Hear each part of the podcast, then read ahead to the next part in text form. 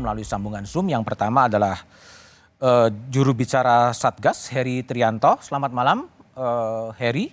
Kemudian ada epidemiolog Griffith University, uh, Diki Budiman. Selamat malam, Mas Diki. Selamat malam, Mas Budiman. Kemudian ada anggota Komisi 9 DPR RI, Saleh Partanawan Daulay. Malang, Bang Saleh. Selamat malam Mas Budiman. Dan nanti ada juru bicara vaksin COVID-19 Kementerian Kesehatan Dr. Siti Nadia Tarmisi. Saya akan memulai diskusi kepada Heri Trianto. Heri, apa yang disampaikan oleh Jenderal Doni Munardo 17 Agustus Indonesia bebas COVID ini sebetulnya maksudnya apa? Sebuah target, sebuah keyakinan atau seperti apa? Ya, uh, saya coba letakkan uh, konteks uh, bicara dari Pak Doni Monardo ya. Uh, beberapa kali juga sudah saya sampaikan, itu disampaikan dalam sebuah rapat koordinasi rutin dengan hmm. para kepala desa uh, dan maupun dari satgas daerah di seluruh Indonesia. Biasanya itu diikuti sekitar 800 orang, tapi yang kemarin itu diikuti ribuan orang karena melibatkan uh, para kepala desa di seluruh penjuru uh, tanah air gitu. Oke. Okay. Jadi itu adalah sebuah uh, cambuk lah ya. Oh sebuah, cambuk. Iya. Uh, cambuk sebuah, internal ya. Oke, coba kita kita putar persis terlebih dahulu ya pernyataan dari iya. Jenderal ya. Doni. Betul. Telah terjadi penurunan sebanyak 15 ribu orang dalam kurun waktu sekitar satu minggu. Artinya ada hal yang positif yang telah terjadi yang dilakukan oleh semua pihak dalam pengendalian uh, COVID ini. Mudah-mudahan dengan inovasi dan kerja keras yang tiada henti, kita semua bisa semakin mampu menekan kasus ini. Target kita adalah pada perayaan 17 Agustus yang akan datang, maka kita betul-betul harus bebas dari COVID. Artinya, COVID betul-betul dalam posisi yang dapat dikendalikan.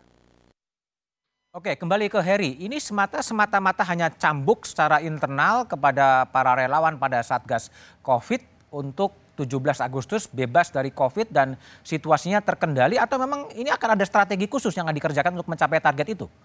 Ya, itu kan dilakukan uh, saat kita menerapkan uh, PPKM uh, skala mikro ya. Hmm? Jadi itu disampaikan juga secara uh, terbuka uh, sebagai uh, ketua Satgas uh, bagaimana kalau kita dikasih uh, target itu ya harusnya tinggi gitu, nggak boleh melempem. Ya okay. harus memberikan motivasi mereka. Tadi kan kata kuncinya adalah inovasi dan kerja keras tiada henti, okay. maka situasi ini akan kita kendalikan. Hmm. Saya rasa kita harus berangkat dari diksi itu dan kata kata-kata bebas itu di 17 Agustus tentu saja ada mak maksudnya karena itu adalah hari kemerdekaan, tapi di kalimat kedua dikatakan bahwa uh, pandemi ini bisa kita kendalikan dengan sejumlah tentu saja indikator uh, penurunan penurunan penularan maupun uh, uh, indikasi-indikasi lain yang seperti kita lihat misalnya positivity rate dan seterusnya.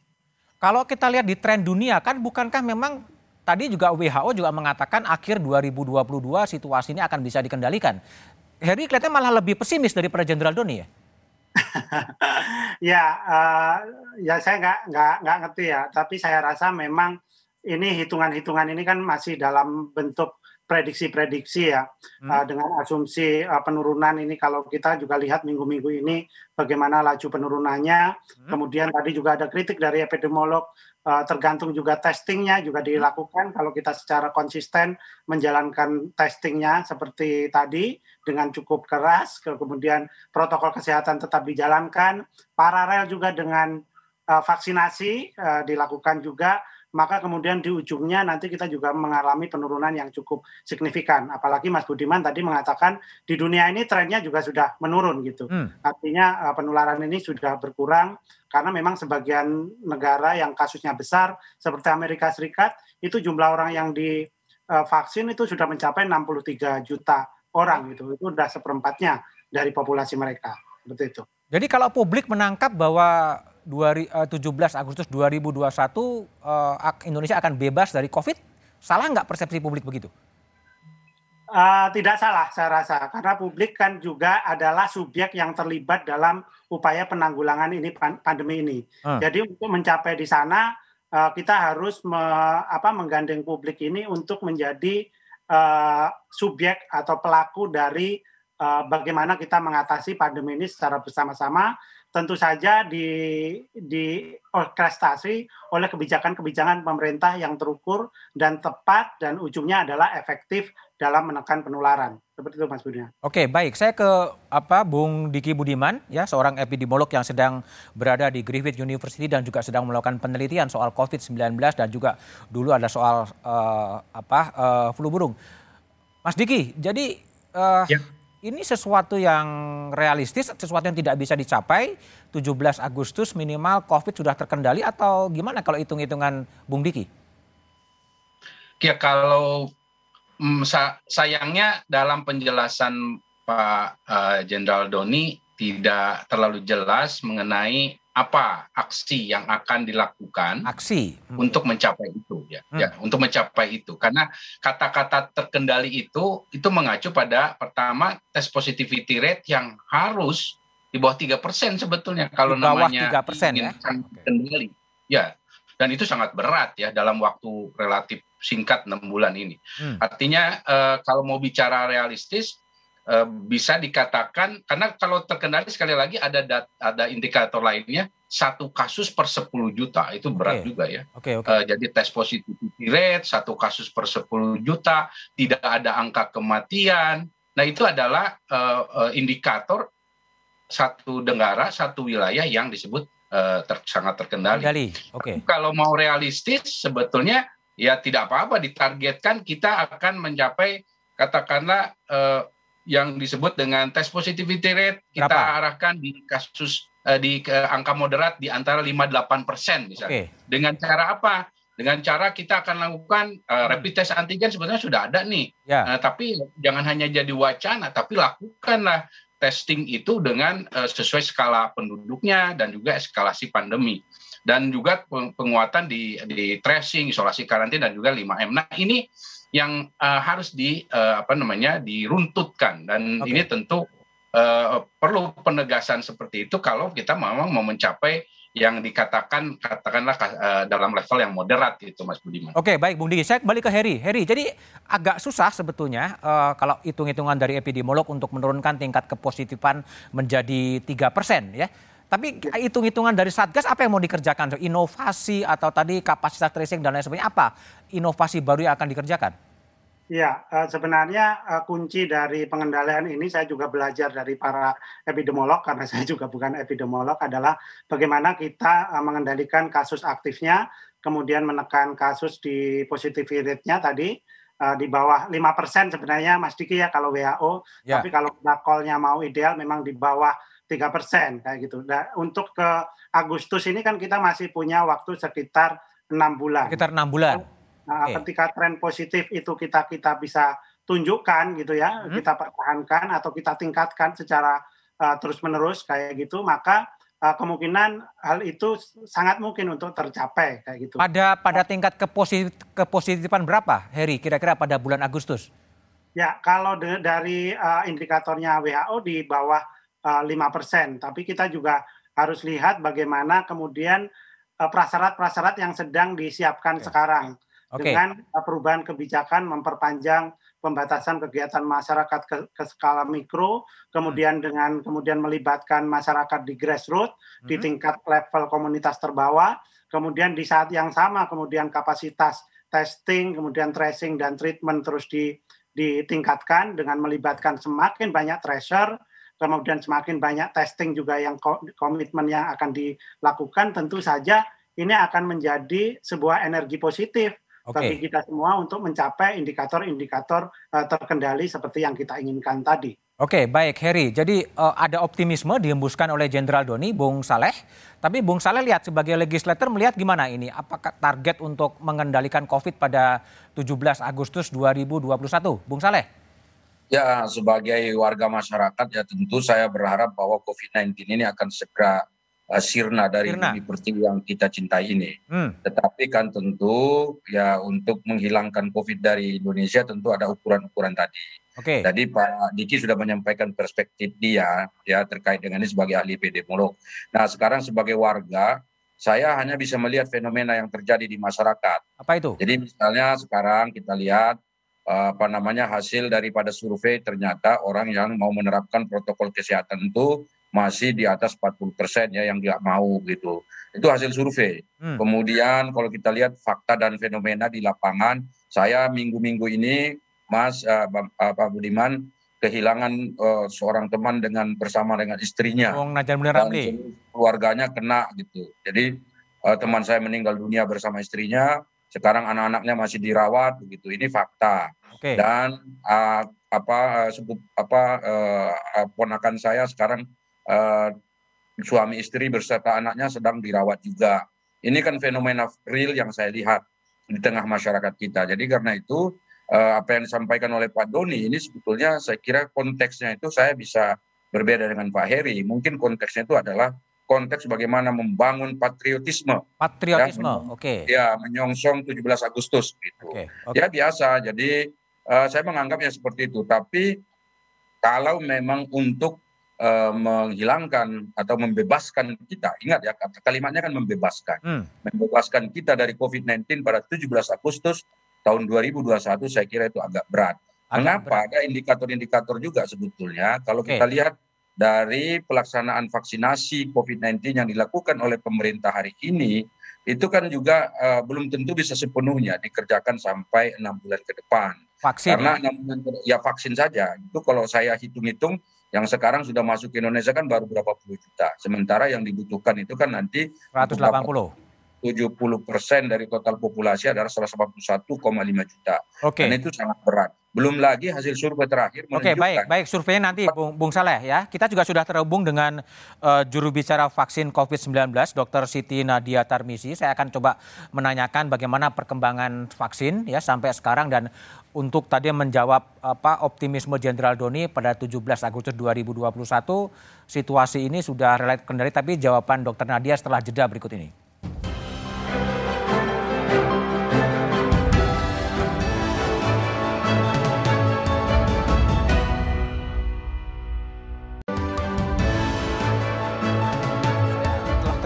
Dengan Dr. Siti Nadia Tarmisi, juru bicara vaksin COVID-19 Kementerian Kesehatan. Dr. Nadia bisa diupdate perkembangan per hari ini proses vaksinasi sampai di mana? Iya, eh, total saat ini jumlah yang sudah mendapatkan vaksinasi kurang lebih 1,350 ribuan untuk dosis pertama. Sementara untuk dosis kedua itu sudah sampai dengan 850 ribu eh, dosis ya, yang untuk dosis kedua. Jadi kurang lebih itu sudah hampir 2 juta setengah yang kita eh, 2 juta setengah lebih ya eh, orang yang sudah mendapatkan vaksin baik dosis pertama maupun dosis kedua dan tentunya ini yang uh, menjadi PR kita karena berarti dari yang kemarin kita sudah distribusi sebanyak 3 juta dosis itu sudah memang uh, stoknya memang sudah sangat menipis. Sebetulnya kendalanya di mana Dokter Nadia? Stoknya yang menipis atau memang pelaksanaan vaksinasinya yang belum tumbuh secara eksponensial atau di mana? Iya, uh, jadi kalau kita melihat posisinya, uh, tentunya kalau yang 1,3 juta itu uh, di seluruhnya vaksinasi ya, berarti kan uh, saat ini baru 800 ya. Kalau 800 itu berarti kan ada uh, masih yang uh, harus uh, kita penuhi karena jumlah vaksinnya kan kemarin hanya aku aku terdiri hanya tinggal 400 ribuan ya. Jadi hmm. memang untuk distribusi penambahan ini yang memang harus segera kita lakukan okay. uh, eh, dan juga kita lihat uh, data dari tenaga kesehatan yang di awal kita tetapkan 1,46 juta hmm. ini ternyata di lapangan uh, terjadi perubahan ada penambahan penambahan. penambahan. Oke. Okay. Kita coba lihat grafis uh, apa kecepatan vaksinasi bisa ditampilkan.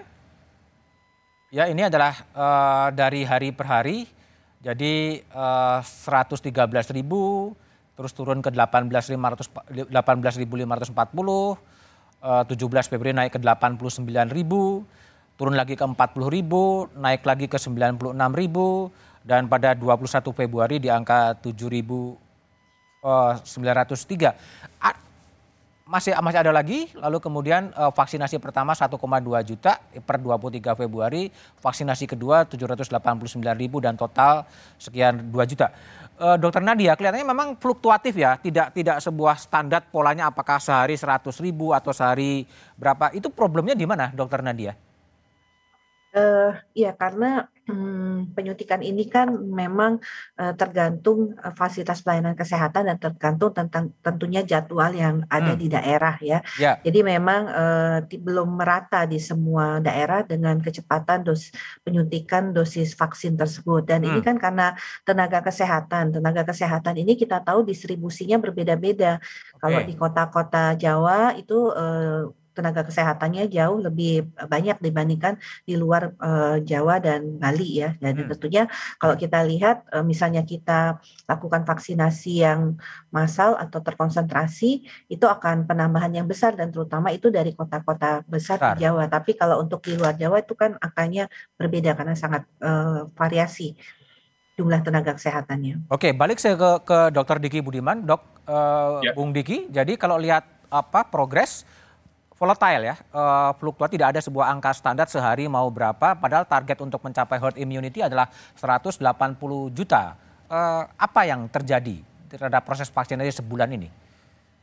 Uh, jadi sebetulnya ini sudah uh, sudah bisa kita prediksi awal ya bahwa tadi Pak Presiden juga sudah menyinggung bahwa supply itu jadi isu. Ya, supply, isu tidak okay. hanya untuk Indonesia ya, supply itu untuk akan global jadi isu. juga ya ya pada setiap pandemi seperti ini semua memproduksi semua perlu uh, dan itu tentu ada kendala produksi di situ.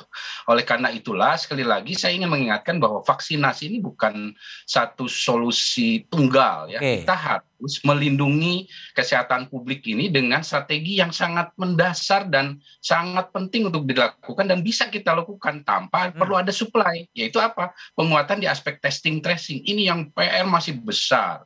Karena sekali lagi ingat kita nggak bisa membuat pacuan antara vaksinasi dengan kecepatan virus ini hmm. menyebar Oke. Okay. Karena virus ini menyebar dalam pola eksponensial, kita akan selalu kalah. Selalu kalah. Apalagi zaman strain baru. Jadi dan kalau bicara herd immunity itu sesuatu yang masih panjang, Mas Budi. Panjang. Dan uh, kita tidak bisa mengandalkan bahwa oke, okay, automatically ketika vaksin selesai 181 juta selesai tidak seperti itu.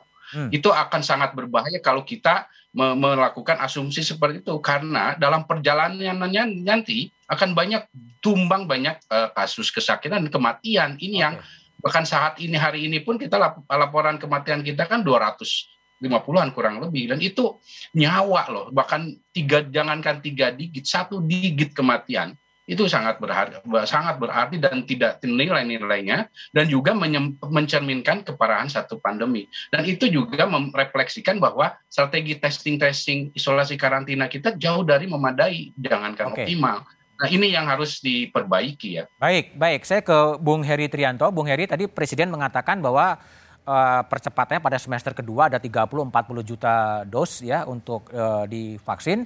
Tapi untuk mencapai herd immunity memang butuh waktu lama. Nah strategi apa yang akan disiapkan oleh Satgas untuk tetap bisa mengendalikan COVID itu? Ya, saya rasa vaksinasi tadi ada satu hal dan memang saya sepakat dengan Bung Diki bahwa kita tidak bisa mengejar uh, apa penurunan kasus dengan uh, vaksinasi gitu. Makanya hmm sebenarnya kita juga sepakat bahwa antara vaksinasi kemudian 3T dan 3M itu adalah uh, harus dilakukan secara paralel gitu hmm. bahwa uh, jangan sampai juga ketika vaksinasi sudah berjalan masyarakat jadi abai uh, terhadap uh, protokol kesehatan. Ini yang sebenarnya selalu kita diskusikan dan selalu kita sadari juga uh, Bapak Presiden ketika vaksin uh, tanggal 13 Januari juga mengatakan itu dalam uh, sambutannya waktu itu sampai tiga kali. Okay. Bahwa yang utama sekarang uh, vaksin memang sudah, tetapi protokol kesehatan itu juga harus tetap dijalankan. Hmm. Kemudian juga saya setuju juga dengan Bung Diki yang mengatakan bahwa uh, testing dan tracing ini juga menjadi kunci gitu.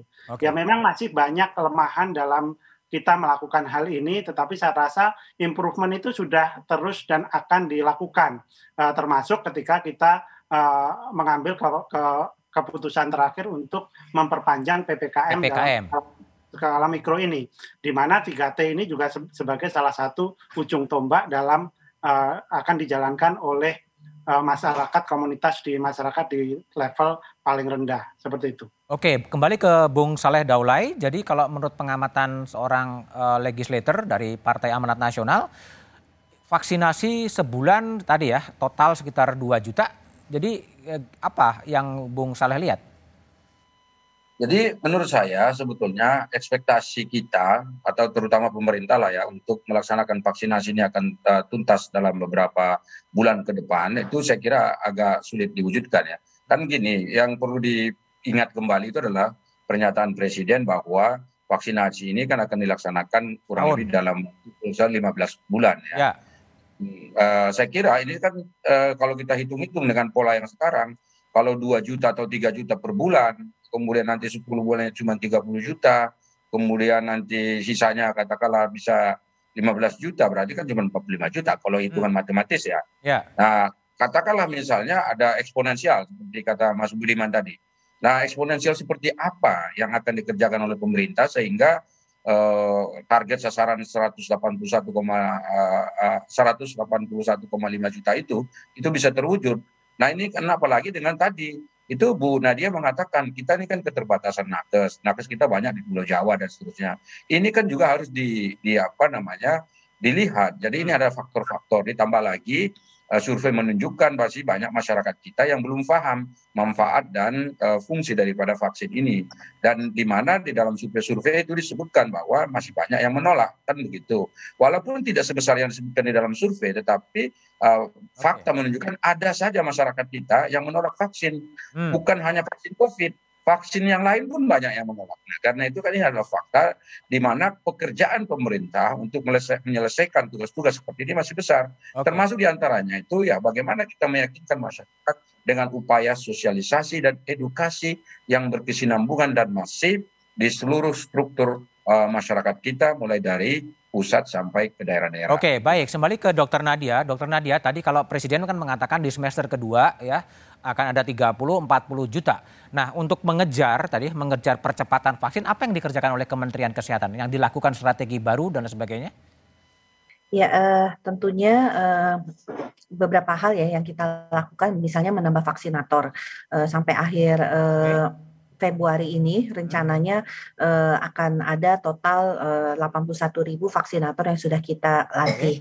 Kemudian uh, berbagai bentuk ya tempat pelaksanaan vaksinasi ya mengkombinasi okay. bukan hanya di Fasiankes, kemudian juga kita lakukan tadi vaksinasi berdasarkan institusi, hmm. kemudian vaksinasi yang kita lakukan juga uh, berbasis massal ya, okay. massal misalnya yang seperti kita lakukan di uh, Istora kemarin atau kemudian nanti vaksinasi yang uh, bergerak sifatnya. Jadi misalnya kalau di lansia ada organisasi ataupun yayasan yang akan uh, melaksanakan vaksinasi secara uh, terkoordinir. Nah, itu nanti petugas kesehatan yang akan ke sana seperti itu. Nah, yang lain tentunya kita tahu adalah menambah jumlah eh, fasiankes karena fasiankes swasta yang eh, belum terlibat dalam vaksinasi ini masih kurang ribu ada 8 ribuan. Jadi okay. ini adalah potensi yang bisa eh, terus kita tingkatkan dan eh, tentunya di lain eh, lagi adalah eh, jam buka juga penting. Jadi jam okay. buka eh, dengan vaksinator yang ditambah eh, tujuh hari dalam seminggu dan dengan shift mungkin tiga tiga uh, kali per hari. Jadi benar-benar ini uh, kita upayakan untuk bisa mencapai meningkatkan tadi jumlah uh, uh, kemampuan untuk melakukan vaksinasi. Tapi memang pertimbangannya kalau vaksin ke sini kita betul-betul harus hati-hati karena ya. uh, takutnya malah terjadi kerumunan. Penumpukan ya. Betul. Oke. Tapi Dokter Nadia, kalau apa pertanyaan adalah dalam bayangan Kemenkes itu vaksinasi dengan tadi vaksinator ditambah, akan ada publik tempat publik itu kira-kira akan eh, sehari akan berapa berapa ribu ya untuk bisa punya bayangan herd immunity akan tercapai kapan. Tapi jawaban Dokter Nadia setelah jeda berikut ini.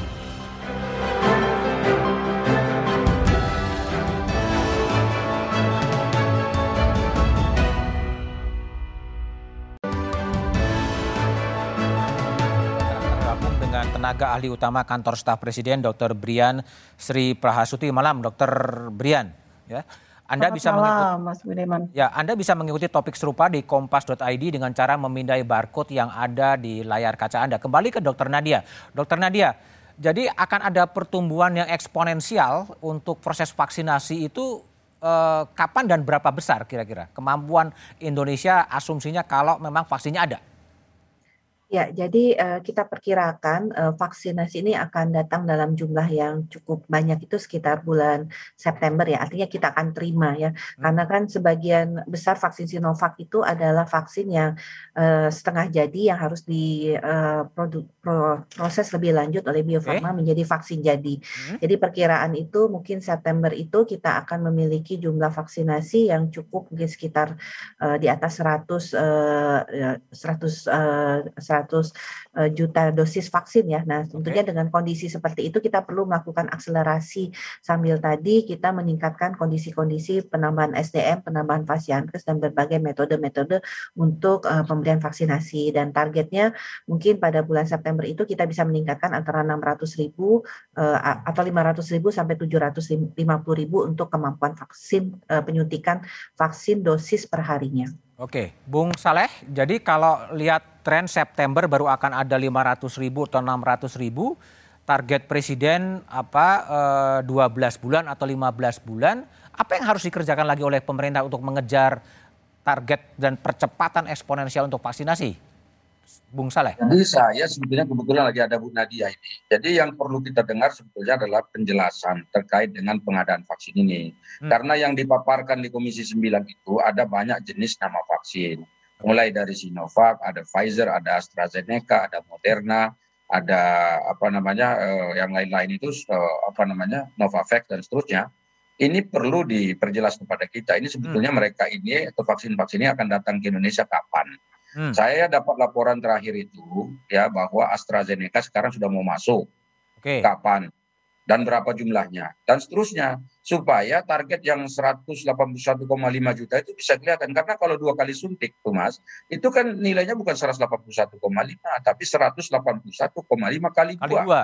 Oke. Okay ditambah dengan itu apa namanya buffer stoknya hmm. dan itu jumlahnya bukan sedikit gitu banyak itu dan buffer stoknya kan bisa 15 persen Okay. Nah karena itu ini tolong dijelaskan pada kita karena kita okay. negara besar. Okay. Negara besar yang jumlah penduduknya 273 juta hmm. dan kita mau memvaksin orang ya sebanyak 181,5 juta itu. Nah untuk apa ini di, di, di apa disebutkan supaya kita yakin betul bahwa program pemerintah ini on the track dan kita dukung, kita support apa pun yang akan dilakukan pemerintah untuk mensukseskan ini. Nah, Bung Saleh belum yakin ya? Bagaimana, Mas? Bung Saleh belum yakin saya sebetulnya yakin kalau misalnya itu bisa dijelaskan Oke, yang ini tadi. Penjelasan ya. Apakah ini tadi nama dan seterusnya begini loh. Ini ya, kan ya. kalau misalnya tadi ekspektasinya nanti katakanlah kita akan dapat 100 juta dari mana itu dari uh, Sinovac bulan September.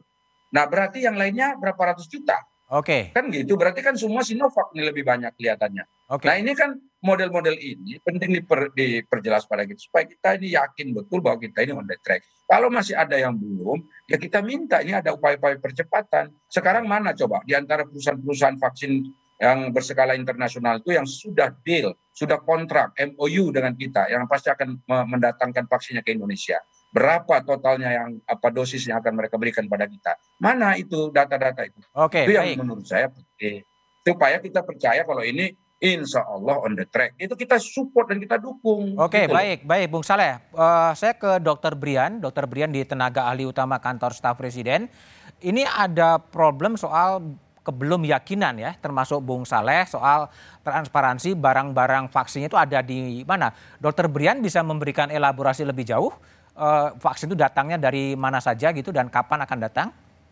Ya sebetulnya kalau secara teknis ini Bu Nadia ya yang lebih tahu ya. persisnya ya. Hmm. Tetapi memang kalau saya dengar informasi terakhir ini kan kebetulan kemarin itu ada international conference kita tentang salah satunya adalah tentang vaksin ya selain Bapak Presiden juga ada Menko Pak Erlangga juga itu hmm. menyampaikan pidatonya. Beliau menegaskan kemarin itu mengatakan bahwa komitmen yang sudah pasti hmm? memang dari uh, corona vaksin dari Sinovac itu sekitar okay. 125 juta 125 dosis. juta dosis, oke. Okay. Ya, kemudian dan ini kan uh, kalau yang awal-awal yang 3 juta itu kan vaksinnya sudah jadi. Hmm. Nah, 125,5 itu termasuk yang bulk yang nanti akan diproses Oh, ya oleh uh, PT Bio Farma.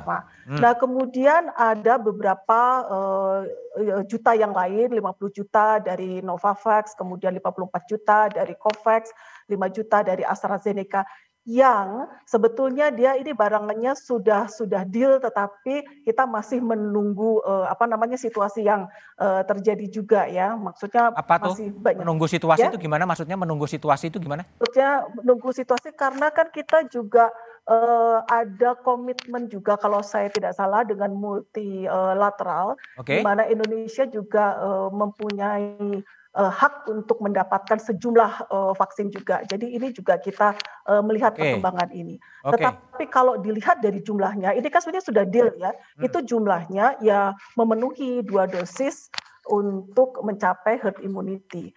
Itu okay. kemudian yang berikutnya kan juga dibuka ruang untuk adanya uh, vaksinasi gotong royong. Gotong ya, royong ya. Walaupun yang hmm. vaksinasi gotong royong itu akan berada di luar yang okay. untuk target herd immunity. Bapak Presiden mengatakan dari beberapa kali pertemuan bahwa untuk vaksin gotong royong ini tujuannya adalah untuk mempercepat ya. imuniti tercapai dan juga memperluas cakupannya. Jadi akan upayanya tuh lebih banyak uh, apa penduduk yang bisa divaksinasi dan waktunya bisa dipercepat. Oke, baik, begitu, baik, Dokter Brian. Jadi uh, asumsinya adalah uh, ketika vaksinasi gratis ya dengan tadi pertumbuhannya mungkin akan 600 ribu pada bulan September, bagaimana sebenarnya vaksin gotong royong itu bisa mempus ya agar kemudian ada pertumbuhan yang eksponensial karena di apa uh, di tahap kedua ini kan ada sasaran 38 juta orang yang melibatkan uh, apa lansia, tokoh agama, guru, dosen, wakil rakyat, pejabat pegawai e, pemerintah, pedagang pasar itu akan menjadi sasaran ya, petugas keamanan itu akan menjadi sasaran ya. di tahap kedua, lalu pelayan publik, atlet dan e, wartawan ini termasuk saya mungkin nanti akan e, divaksin. Tapi diskusinya e, seperti apa e, gabungan antara vaksin pemerintah dan vaksin gotong royong setelah jeda berikut ini.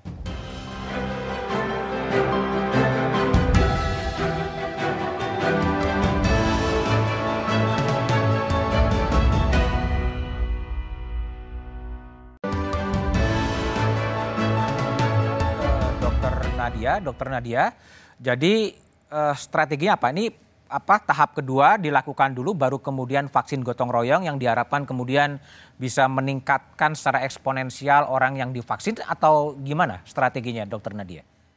Iya, uh, kalau untuk target 181,5 juta ya kita sesuai dengan peta jalan kita ya, okay. uh, dan kita akan optimalkan untuk bisa uh, kita selesaikan dalam uh, 12 bulan. Tapi tentunya dengan catatan bahwa tadi ada PR 82 juta vaksin yang uh, rencana awal itu akan dikirim di triwulan uh, pertama hmm? 2022 itu yang harus kita geser ke 2021. Hmm. Nah di sisi lain uh, tentunya uh, terkait vaksin gotong royong ini kita kan uh, sangat uh, berhati-hati ya untuk uh, kebijakannya dan terutama bagaimana uh, untuk memastikan uh, tidak terjadi penyimpangan-penyimpangan dari regulasi terkait vaksin gotong royong ini. Hmm. dan tentunya uh, karena tadi kita melihat ya ada lompatan yang cukup besar terhadap uh, jumlah yang sasaran vaksinasi. Kalau kemarin itu hanya 1,4 uh, juta sekarang ini kan total sampai dengan April kita harus menyelesaikan 38 juta. 38 juta ya. Ya nah ini artinya uh,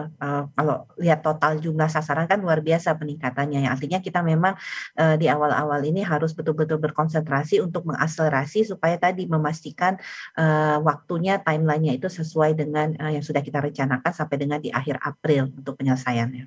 Oke, baik. Saya ke Dr. Diki Budiman. Dokter Diki, ini kan ada isu ketersediaan dan itu isu global ya. Artinya kan di mana-mana kan ini menjadi kelangkaan vaksin ya. Nah, apa sebetulnya yang bisa dilakukan oleh pemerintah Indonesia agar pemerintah Indonesia bisa mendapatkan vaksin-vaksin itu yang dibutuhkan. Kalau enggak nanti akan ada nasionalistik sempit, semuanya menyelamatkan negaranya sendiri-sendiri dan kemudian juga uh, sama-sama sengsara. Gimana Dokter Diki Budiman? Sayangnya kondisinya saat ini sebagai eh, peneliti global security ya dan saya praktisi global security terlama, uh, kondisi global saat ini belum ada posisi yang uh, kuat dalam kolaborasi ya. Oh. Banyak negara kaya ini malah menyimpan stok, malah hmm. ada yang lebih dari yang dia butuhkan. Hmm. Nah ini yang di dalam deklarasi atau peringatan satu tahun pandemi ke, di akhir Januari lalu, WHO ini mengingatkan semua negara dan itu terjadi, faktanya terjadi dan artinya sekali lagi saya mengingatkan pemerintah bahwa harus kita harus melihat karena selalu pemerintah mengarah pada herd immunity ya. Artinya sebetulnya keinginannya itu saya kita sudah tahu bahwa kita ingin ada aktivitas sosial ekonomi yang mendekati normal. Okay. Yang itu sebetulnya bisa kita lihat terjadi di Australia, New Zealand atau Taiwan, tanpa vaksinasi.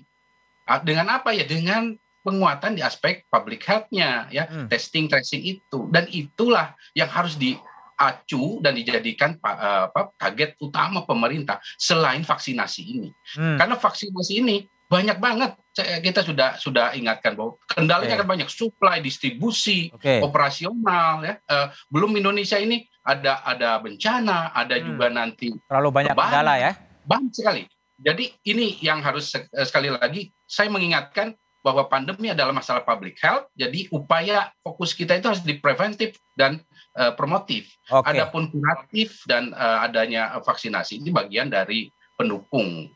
Oke, okay, baik, baik. Ke Heri Trianto. Her, jadi uh, gimana? Apa untuk yang mau dikerjakan oleh Satgas, oleh pemerintah agar kemudian target vaksinasi itu bisa dicapai dan kemudian betul-betul harapan merdeka dari COVID itu bisa dicapai juga? Ya kalaupun 17 Agustus ya mundur sampai akhir akhir 2021 lah. Kira-kira apa yang mau dikerjakan? Iya, eh, seperti yang disampaikan oleh Bung Diki tadi ya, memang harus ada upaya di eh, apa penanganan di kesehatannya ya, di public health-nya yang kemudian menjadi fokus gitu. Jadi memang kita ini jangan sekali-kali uh, terbutakan bahwa vaksin ini adalah solusi tunggalnya. Hmm. Saya rasa pemerintah juga sejak awal tidak pernah mengatakan itu. Jadi memang hey. Saya setuju dengan apa yang disampaikan oleh Bung Diki tadi dan itu juga pemerintah juga sangat setuju uh, bagaimana uh, di hulu ini yang harus kita selesaikan karena itu akan juga menyelesaikan tanpa perlu kita menunggu ketidakpastian tadi ya beberapa rantai distribusi vaksin yang sekarang menjadi uh, perebutan gitu. Jadi okay. memang kalau kita fokus di di penanganan hulunya, saya rasa ya sambil paralel dengan vaksinasi langkah-langkah kita untuk melawan pandemi ini akan tiba pada sebuah rel yang benar kira-kira seperti itu. Oke, Bung Saleh, jadi apa uh, closing statement dari Anda untuk bebas merdeka dari COVID, apa yang harus dikerjakan oleh pemerintah sekarang? Ya, pertama tentu kita protokol kesehatan ini harus betul-betul kita terapkan. Kedua, testing tracing jangan dilupakan karena bagaimanapun juga testing tracing itu adalah kunci untuk memetakan uh, di mana saja uh, apa namanya intervensi yang harus dilakukan. Kemudian saya menghimbau kepada seluruh masyarakat kita di Indonesia agar jangan takut untuk ikut imunisasi ya. bahwa imunisasi itu adalah aman, imunisasi itu insya Allah baik, imunisasi itu insya Allah tidak ada yang mengkhawatirkan dan kejadian ikutan pasca imunisasinya pun sampai sejauh ini tidak begitu uh, banyak dan karena itu ya marilah sama-sama kita berpartisipasi untuk okay. memutus mata rantai penyebaran virus COVID ini dengan menerapkan protokol kesehatan, kemudian yang kedua ikut imunisasi dan mengajak orang lain sebanyak-banyaknya untuk, untuk tetap ikut bersama-sama dengan kita dalam rangka mengambil partisipasi. Oke, baik, Dokter Brian. Jadi uh, apa strategi baru yang mungkin dirancang oleh KSP untuk semuanya bisa mengarah dan menempatkan public health sebagai sesuatu yang utama? Ya, uh, kalau terkait dengan apa namanya uh, upaya respon terhadap pandemi ini kan KSP sebetulnya bukan sebagai pihak yang melaksanakan ya. Hmm. Ini ada di Kementerian Lembaga, kemudian ada di KCPPEN uh, dan ya maksudnya kelompok ini ya yang melaksanakan. Kami sesuai dengan tupoksi dari kantor staf presiden, tugas kita itu kan mengawal. Kemudian melakukan debat making, melakukan komunikasi politik, melakukan verifikasi, kemudian memberikan uh, masukan ya kepada pengambil kebijakan di level atas begitu. Uh, sehingga ya dikembalikan ke sana strategi yang akan kita lakukan. Mungkin sifatnya tidak langsung kepada uh, masyarakat begitu. Jadi lebih banyak melakukan verifikasi dan kunjungan ke lapangan untuk melihat uh, data dan fakta yang yang terjadi. Tetapi pada kesempatan yang baik ini saya juga ingin menyampaikan bahwa eh, sepakat dengan semua yang sudah disampaikan oleh para pembicara sebelumnya bahwa vaksinasi itu bukan satu-satunya jalan keluar hmm. dari pandemi ini.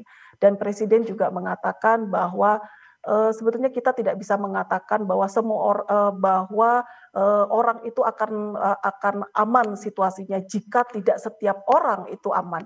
Okay. Artinya memang ini harus dikerjakan secara bersama-sama.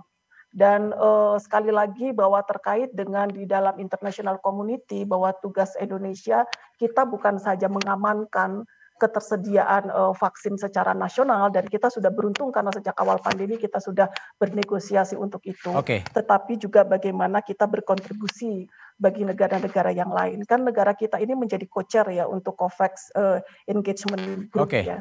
Baik, ya, oke kembali ke Dokter Nadia. Dokter Nadia, jadi 38 juta untuk tahap kedua, strategi untuk bisa mencapai 38 juta dalam kurun waktu dua bulan apa yang akan coba dilakukan terobosan dilakukan oleh Kementerian Kesehatan?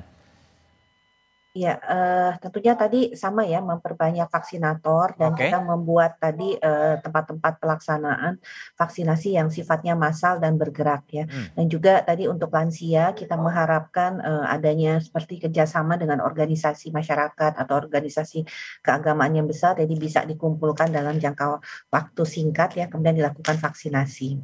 Oke. Okay. Dokter Diki Budiman, ada solusi terakhir eh, harapan Anda agar betul-betul Indonesia bisa merdeka dari COVID atau punya proyeksi? Kapan sebetulnya kita betul-betul menikmati kemerdekaan dari COVID?